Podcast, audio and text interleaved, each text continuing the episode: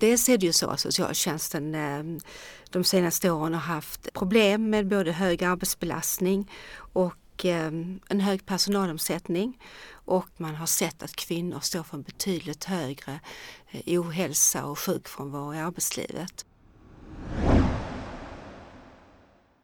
Du lyssnar på Socialtjänstpodden med mig Josefin Johansson och idag pratar vi med Arbetsmiljöverket.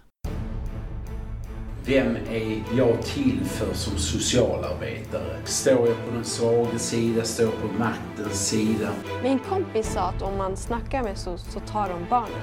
Att spara pengar till statskassan genom att utförsäkra en massa människor. Då biter man sig själv i svansen till slut. Och det är väldigt viktigt för Sverige att socionomer vill arbeta i socialtjänsten. De vill ha en socialtjänst där socialsekreterarna är stolta över sitt jobb.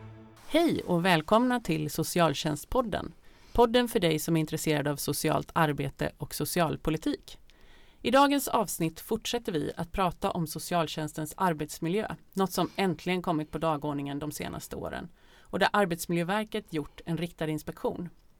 Ansvarig för den här inspektionen är Eva Karsten som jag har glädjen att hälsa välkommen idag. Tack för att du har tagit dig tid att vara med i podden. Mm, tack! Kan du börja med att berätta lite vad Arbetsmiljöverket är och gör? För det är inte säkert att alla känner till det. Mm, nej, ja. Arbetsmiljöverket är en myndighet och eh, vi arbetar på uppdrag av regeringen och vi lyder under Arbetsmarknadsdepartementet. Eh, vi har ju till uppgift att se till så att så få som möjligt skadar sig i arbetet eller mår dåligt av arbetet. Så att vi eh, arbetar för att det ska vara ett hållbart arbetsliv i alla åldrar och att man ska slippa, arbeta, äh, slippa äh, sluta arbeta i förtid.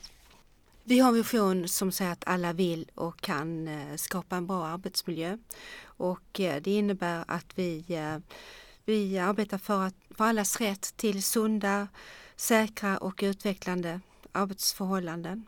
Och det gäller, det gäller då såväl företag som organisationer och att vi har som uppdrag att se till att man följer arbetsmiljölagen. Och det gör ni bland annat genom inspektioner. Mm. Hur kommer det sig att ni har gjort den här riktade inspektionen av socialtjänstens arbetsmiljö? Eh, dels är det ju så att socialtjänsten eh, de senaste åren har haft eh, problem med både hög arbetsbelastning och eh, en hög personalomsättning och vi fick, har fått ökade anslag under ett antal år av regeringen att arbeta just med eh, kvinnors arbetsmiljöförhållanden med anledning av att man har sett att kvinnor står för en betydligt högre eh, ohälsa och sjukfrånvaro i arbetslivet. Och då kunde vi se att eh, just eh, inom socialsekreteraryrket så stack det ut, speciellt med väldigt höga siffror. Och dessutom att eh, inom socialtjänsten så är det en kvinnodominerad bransch och eh, vi kunde se att 2015 så var det 42 000 anställda socialsekreterare och kuratorer varav eh, cirka 85 procent av dem var kvinnor. Mm. Mm. Och sjukskrivningarna har ökat väldigt mycket i den här gruppen ja. också. Ja. Så det är sånt som gör att när ni får många sådana varningssignaler. Ja. Så, så sätter vi igång en tillsynsinsats. Så det här blev ett uppdrag från regeringen. Så det är ett upp, det är regeringsuppdrag mm. att titta just på socialtjänsten. Hur många kommuner har ni varit ute i? Vi, vi hade ett mål att vi skulle nå 50% av Sveriges socialtjänst och vi har nått det målet. Så vi har mm. varit ute i eh, ungefär 150 kommuner. Så det är det några av kommunerna som har flera socialkontor så vi har varit ute på, vi räknade ihop det till cirka 170 socialkontor. Mm. Det är många socialkontor. Mm. Um, och vad har ni gjort för slutsatser från inspektionen så här långt? Ja, dels så har vi ju sett att, att det är en väldigt ansträngd arbetsmiljö ute på, på socialkontoren. Det är eh, stora problem med, eh, med hög personalomsättning men också med en, en hög sjukfrånvaro. Mm. Och det finns en stor konflikt mellan målen som är satta för socialtjänsten mellan de arbetsuppgifter som man ska göra och de resurser som finns till förfogande för socialsekreterarna. Och det skapar en otydlighet i, i arbetet eh, och eh, även de prioriteringar som man måste göra. Så att, vi har ju också sett att man har eh, ett stort eh, problem med eh, bristande introduktion och kompetensutveckling och det går ju också led med att man har, har en hög personalomsättning. Mm. Så att problemen, problemen är många. Det finns det vi har sett ute också ett, ett ofta otydligt arbetsinnehåll. Det är otydligt vad som förväntas av socialsekreterarna och när man arbetar inom socialt arbete som många beskriver så, så, så blir det ofta gränslöst. Mm. Man, eh, man vill mer än vad man egentligen kan uppnå och eh, just gränssättningarna kan ibland bli så, så, väldigt otydliga så att man, även om man vill åstadkomma mycket så kan man inte det och ibland är det väldigt otydligt för man behöver egentligen arbeta mycket gränsöverskridande mellan olika avdelningar inom socialtjänsten. Och det skapar, det skapar en frustrerande arbetssituation för många eh, socialsekreterare. Så dels att man inte får liksom rätt introduktion när man mm. börjar i mm. yrket. Mm. det finns en obalans mellan krav och resurser som ju också arbetsmiljöforskare har, ja. som Vanja Astvik har lyft.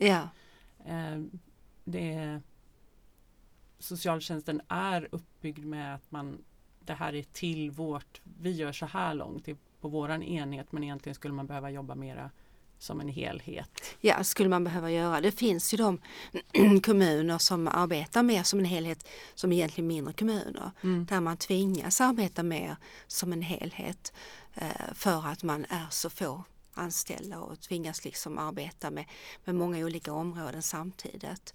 Eh, medan det då i de större kommunerna mer, mer är uppdelat kring eh, de olika områdena, till exempel för vuxna och för barn och unga och så vidare. Men, men ändå att man ser liksom att det här behovet behövs av att arbeta gränsöverskridande också mm. mellan avdelningarna.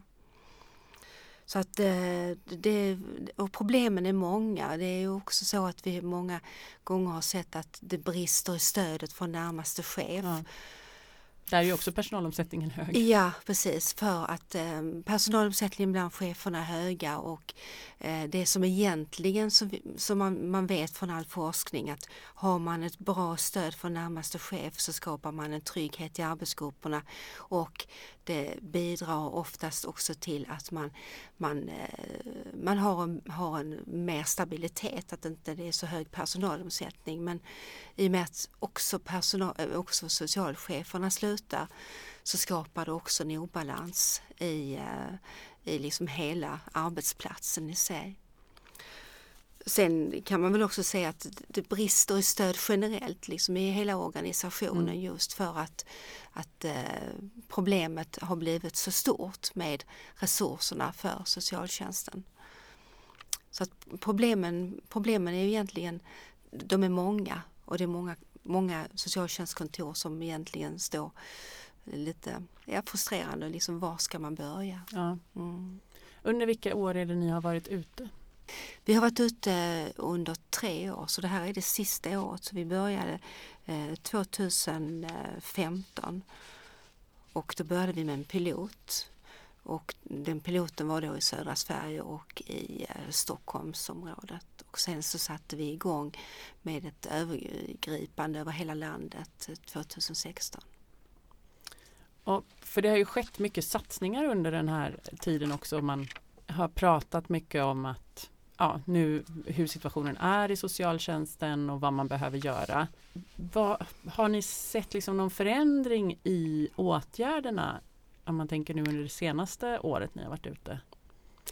Alltså, vi har ju sett att det har skett mycket. Det har varit, eh, förutom att vi har haft vår tillsyn ute så har det varit väldigt mycket fokus på socialtjänsten. Eh, Cecilia Greve, barnutredaren, har ju varit ute i många av de kommunerna som vi också har varit ute. Mm. Och när vi har träffade Cecilia Greve så kunde vi egentligen bara konstatera att liksom, det, det är samma problematik som också påverkar arbetet som Cecilia också har eh, varit ute och eh, konstaterat. Så att det, det, det, är samma sak. Och sen har vi också då parterna, dels i SSR och Vision som fortlöpande gör undersökningar och skriver rapporter som, som blir ju liksom också fångar upp det aktuella, de aktuella problemen.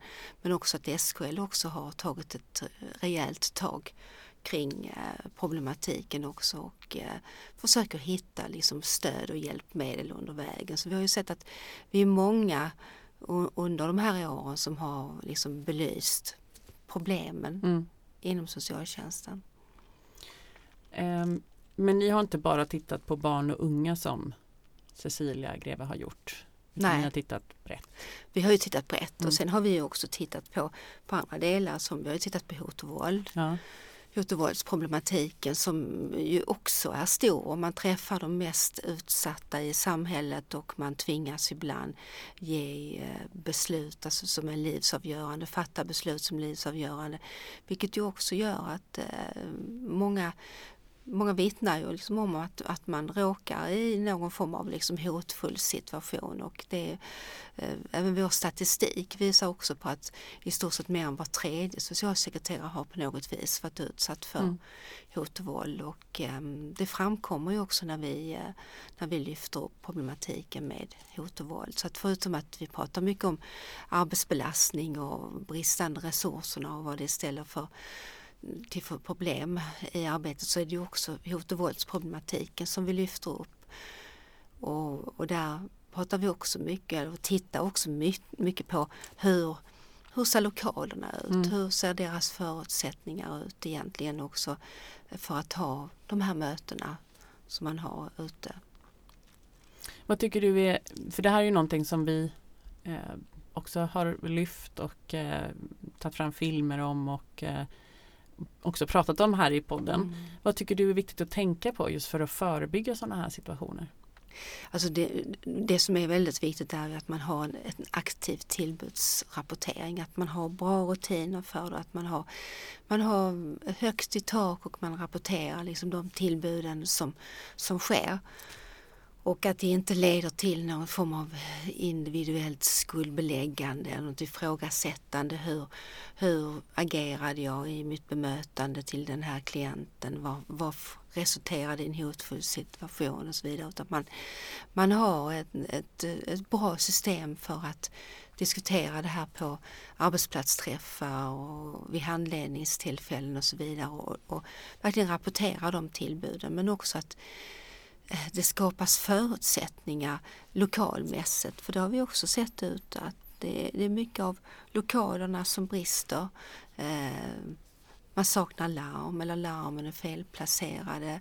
Eh, besöksrummen, om man nu har besöksrum, eh, där sitter man fel, man har, saknar reträttvägar och så vidare. Så eh, det, det, finns en hel del att önska också när man tittar mer på lokalernas utformning och det kan man ju också se när man kommer till en del socialtjänstkontor att redan vid receptionen så har man liksom eh, då brustit i det här säkerhetstänket också. Så att det har vi också konstaterat mycket i vår tillsyn under de här åren.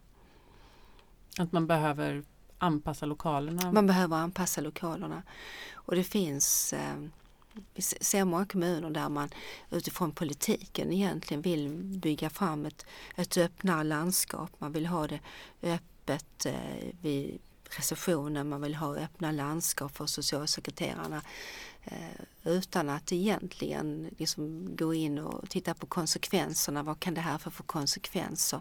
Dels för receptionen som är de första som tar emot eh, klienterna och eh, dels för socialsekreterarna som behöver avskildhet emellanåt för alla dessa möten som man har i arbetet eh, med eh, att möta klienter och så vidare. Så att där finns också mycket som, som man ser framöver som behöver jobbas på.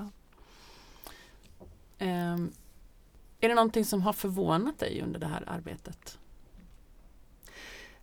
Det, alltså det som egentligen förvånade mig redan från början och i vår projektgrupp var att man inte hade kommit längre med arbetsmiljöarbetet eh, eftersom att man, man arbetade inom kommunen och där har vi, eh, har vi haft väldigt mycket tillsyn när det gäller arbetsmiljöarbetet. Eh, och när man arbetar i kommunen så har man ju möjlighet att kunna få hjälp av HR-avdelningarna, att kunna få hjälp av företagshälsovården och så vidare. Men um, det verkar som att det har på något vis liksom stannat upp just när det börjar bli den här obalansen mellan krav och resurser. Mm. Och då någonstans så blir det liksom som att arbetsmiljöarbetet blir, det blir nedprioriterat. Och man, man, glömmer lite det här med att ta hand om sig själva liksom på arbetsplatsen. Och det blir klienten i fokus och eh, eh, någonstans kommer liksom verkligheten ikapp. Och då sätter det här igång med att man, liksom, man tappar personal, man får en hög personalomsättning, man får en hög sjukfrånvaro och så vidare. Så det är väl någonting som vi har sett som, är, som, som var förvånande egentligen. Det som vi också har, har, har sett mycket av är egentligen att när vi ehm, har den dialogen som vi också vi blandar in politiken i eh, de mötena som vi har. Då ser vi också att eh, politikerna också inte riktigt är medvetna om vad det är som ligger bakom eh, de ansträngningar och de, liksom, det arbeten som görs inom socialtjänsten sett utifrån de målen som man har satt inom politiken.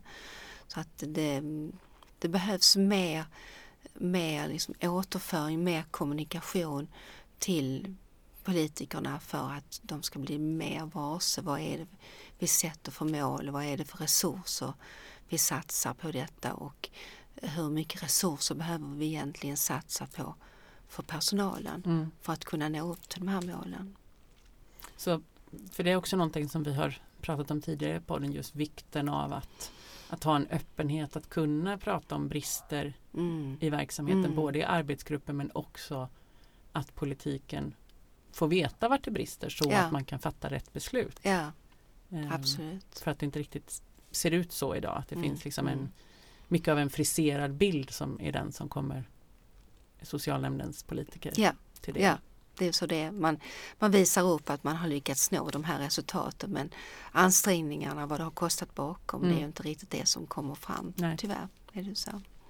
Eh, mm. Man får inte konsekvenserna av, vad var det för konsekvenser att vi höll budget? Nej precis, det, det, det når inte fram, det gör det inte. Så det, det är väl, eh, ja, där är en hel del att jobba på mm. som egentligen inte borde vara så svårt. Och jag tror att det har nu varit så mycket fokus på det här så att jag tror att det är lättare. Kommunikationen tror jag har blivit lättare för tjänstemännen också att kunna nå liksom fram till politi politiken också. Så att, mm. För det är också känt att det, inte, det här är inte ett problem som en kommun eller en nej, utan, nej, det här är liksom genomgripande och det är lite så att social, socialtjänsten är ibland liksom det lite grann svarta fåret. Att det blir liksom ekonomin inom socialtjänsten blir som ett dragspel. Att man ja. liksom lite grann använder det som det och, och när det kostar mycket då, då är det lite svarta fåret socialtjänsten i kommunen. Mm. Hur medvetna är politikerna om att de också är ytterst ansvariga för arbetsmiljön?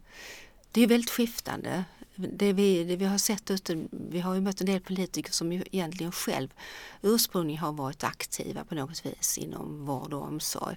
Där finns det en, en betydligt högre medvetenhet eh, kring problematiken. Eh, så att det, det, är väldigt varierande. Mm. Mm.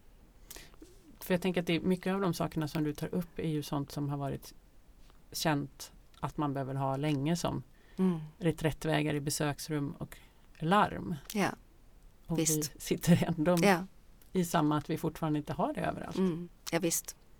Och sen är det också så att man, man, man backar liksom. Man, när, man, när man bygger upp en, en öppen reception och, och, och kontorslandskap så, så har man liksom inte riktigt det här konsekvenstänket med sig. Vad kan det här betyda? Mm. Och när man, när man i en kommun bestämmer sig för att vi ska ha en öppen reception så kanske man har tittat på en, en an, någon annan kommun men det man behöver göra är också att se liksom på vad har vi för problematik i vår kommun? Hur kan vi, kan vi, stämmer det här ihop med, med hur det ser ut i denna kommunen? Kan vi arbeta tryggt Mm. på det viset.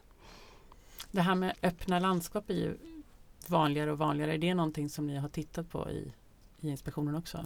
Ja det har vi gjort och vi har ju sett en del av, av de eh, socialtjänstkontoren där man har öppna landskap där det inte finns tillräckligt med, med utrymmen för, eh, alltså rum för socialsekreterarna att kunna sitta och ha sina telefonsamtal, Ja. att kunna göra anteckningar i lugn och ro. Utan man, det finns ju skrämmande exempel där man går in på toaletten för att kunna egentligen få avskildhet Ja. eller att man sätter sig i ett vilrum istället och gör sina anteckningar för att kunna arbeta liksom i, i lugn och ro. Så det ställer ju det ställer väldigt mycket krav på att man samtidigt har rum där man kan erbjuda den här avskildheten Mm. och det här ostörda för socialsekreterarna och det är väl det som, som i så fall saknas på en del av de här kontorslandskapen. Som chef så har man ju oftast arbetsmiljöansvaret för sina medarbetare. Hur kan man arbeta med arbetsmiljöfrågor på ett bra sätt som chef?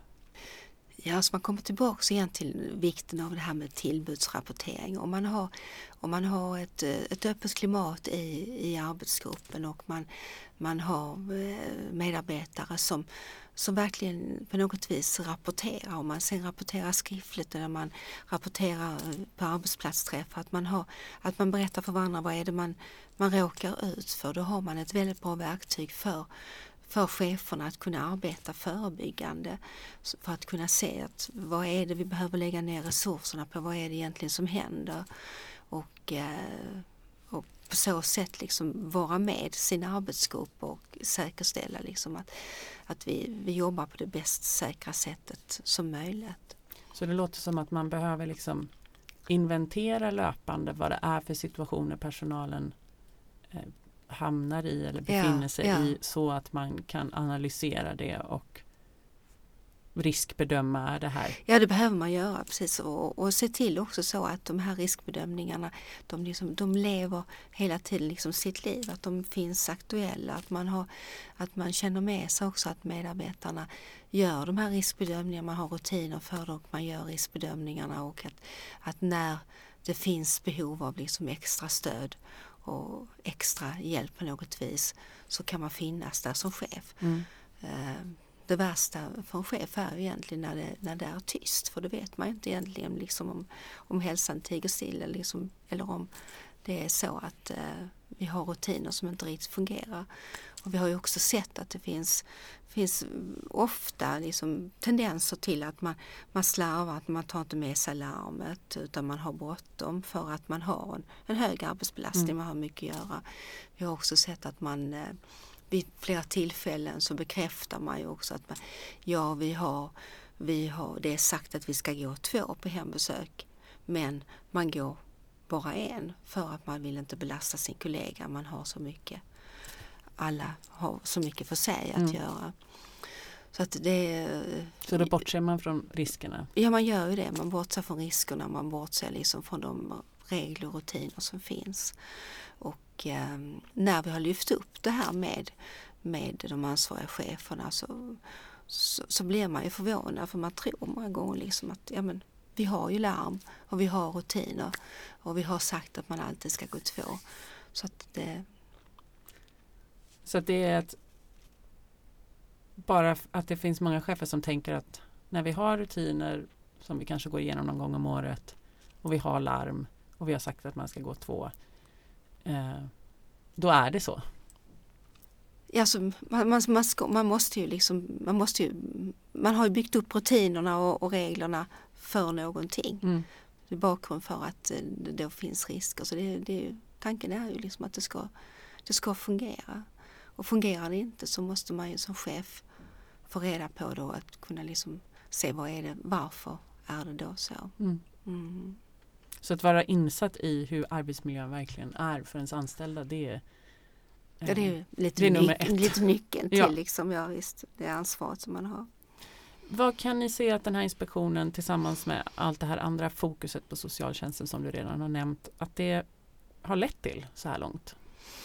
Dels så har vi ju sett att man har, man har börjat att egentligen arbeta mer på att, att försöka vara en attraktiv arbetsgivare. Vi har ju sett att man har, man har eh, när vi har kommit tillbaks efter några månader gjort uppföljningar så har man, har man arbetat mycket på att, eh, att försöka hitta sätt att behålla personalen istället för att arbeta så mycket med, med att rekrytera utan att försöka hitta de här orsakerna till eh, varför slutar man och vad kan vi göra för att behålla personalen? Och där har man ju jobbat på lite olika fronter då. Med en del har jobbat med att man har liksom höjt lönen men andra har jobbat också mycket mer med att man ska få ett, ett bättre stöd från chefen. Mm. Vi har sett att man har minskat, man har minskat antalet medarbetare per chef mm. i, i många kommuner och sett över sin organisation och eh, det finns vissa kommuner som har minskat drastiskt från 30 medarbetare till 14-15 medarbetare per chef. Vilket ju då gör att man har en betydligt liksom högre närhet ja. och, till sin chef och kunna få det stödet. Så det har vi sett som en, liksom, en klar förändring också att man, att man eh, mycket mer arbetar på det sättet och att man eh, man mer intensifierar liksom arbetet med att ha handledningstillfällen, att ha arbetsplatsträffar där man lyfter upp eh, hur det ser ut med arbetsbelastning och så vidare. Så där har vi sett att det har skett en stor förändring. Eh, sen har vi också sett när det gäller hot och våldsproblematiken också att vi, det har liksom skett en, en skjuts framåt genom vår tillsyn. Att när man lyfter upp det så, så blir det en, eh, en översyn över rutiner, mm. över, över hur fungerar våra riskbedömningar. Är vi liksom till, tillräckligt liksom kompetenta för de, de situationer som vi utsätts för och utsätter oss för egentligen. Också. Så att det, medvetenheten har ökat också eh, även uppe hos cheferna med att kunna behöva arbeta mer med detta. För att det finns ju en tendens hos, hos många socialsekreterare att komma in i någon form av liksom, eh, det här ska jag tåla, det här mm. arbetet innebär att jag ska arbeta med de här riskerna och när jag, när jag då utsätts för någon form av hotsituation så, så bortförklarar man det med att ja, men, klienten hamnar i affekt, det var inte konstigt med anledning av ett negativt beslut mm. eller någonting. Uh, och att, uh, att det behöver man också arbeta mycket med, att inte att inte liksom komma i någon form av liksom normalisering av det onormala utan att man är med, väl medveten om att vad är det egentligen liksom vi arbetar med under dagarna och vad är liksom normalt och vad är inte normalt. Så det, det bevittnar, liksom bekräftar många att det har blivit bättre, man mm. har fått en bättre dialog.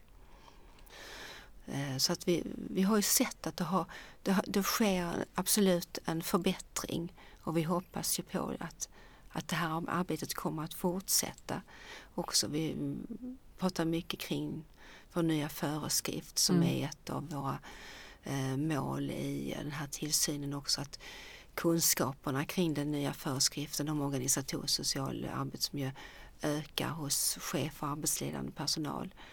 Och eh, att det då innebär att man måste vara mer, mer eh, liksom uppmärksam på när det blir en obalans mellan krav och resurser och vad är det för krav egentligen vi pratar om. Mm. Inom socialtjänsten där det, där det, pratas, där det, där det handlar mycket om att, att möta, möta människor i situationer som kan vara psykiskt påfrestande mm. och att man i, i liksom, samtidigt har en hög arbetsbelastning och snäva tidsramar. Vad är det för resurser som vi behöver arbeta med för att kunna mäta, liksom kunna möta den obalansen också så att det inte blir ohälsa. Och sen låter det också som att det kan hjälpa till att göra det mera tydligt. Vad är det? Eftersom du beskrev också det här med att det är otydligt. Ja. Vad är det egentligen ja. som ingår i mitt jobb? Ja, precis. Så det är ju en del också som den föreskriften också talar om. Vikten av att liksom tydliggöra innehållet. Vad förväntas i mitt arbete? Mm. Och det är, alltså, socialt arbete kan ju liksom vara gränslöst. Och det är det som många gånger ibland liksom är problemet att eh, vi ser att det är så stor skillnad när man kommer ut ifrån socionomutbildningen så kommer man ut och ska liksom arbeta professionellt och Eh, man har en stor vilja, en stor ambition att kunna liksom bidra till någonting i socialt arbete och att var går gränsen mellan att liksom vara professionell och egentligen mitt engagemang som kanske många gånger är mycket högre. Mm. Har du några goda exempel på, på verksamheter där det fungerar bra? Och vad man har gjort alltså där? Vi, det vi, nu är det ju så att när vi är ute så går det ett tag sen och det, ja. ibland så så hamnar kommunerna tillbaks liksom igen, backar ett steg. Men vi har ju sett att vi har ju, vi besökte bland annat Mora då som ju också har gjort en film om sitt arbetsmiljöarbete som då, befann sig i kaos och sen egentligen kommit liksom till en betydligt bättre arbetsplats. Så där har vi ju sett. Sen är det en del kommuner vi har varit ute i också som sen också har eh, gått ner, där man, de anställda har gått ner i arbetstid. Mm. Och i och med att man har gått ner i arbetstid så har man också tvingats att strukturera om sitt arbete. Så man har fått en betydligt bättre struktur på liksom möten och eh, de andra situationerna också som man behöver liksom strukturera upp. Så det, det, har skett en hel del på olika sätt. Vi har också sett många olika försök till att mäta arbetsbelastningen ute i kommunerna. Så där, där kämpar man liksom på för att hitta det här liksom verktyget för att verkligen kunna eh, ha en, en kontroll liksom över vart, vart ligger arbetsbelastningen, vart är det på väg. Så det har vi också sett många goda försök till att, eh, att mäta den. Sen har vi också sett att det finns en, eh, ett större intresse ute som ju också bidrar till arbetsmiljöarbetet när man ser att, att också parterna också eh, kommer med rapporter och kommer med liksom stöd som mm, det finns en introduktionsutbildning ute i många kommuner som, eh, som landstingen också står för som också många använder sig utav. Så att det det har skett förändringar? Ja, det har det gjort. Det har skett förändringar och det är glädjande att vi kan se liksom mm. att, det, att det börjar, börjar kunna liksom skönjas bättre. Och fler förändringar behöver ja, komma absolut. till? Ja, absolut. Men jag tror att det är på väg, mm. god väg. Hur går arbetet hos er vidare nu? Nu håller vi på att samla in de sista eh, ja, rapporterna utifrån landet och ifrån kollegorna som varit ute och Eh, vi, nu, vi vill lägga mycket fokus på att få in vilka effekter har det fått för vi har blivit ändå rätt så liksom, duktiga på att kunna se och kunna säga vad, vad är det som har varit problemet. Mm.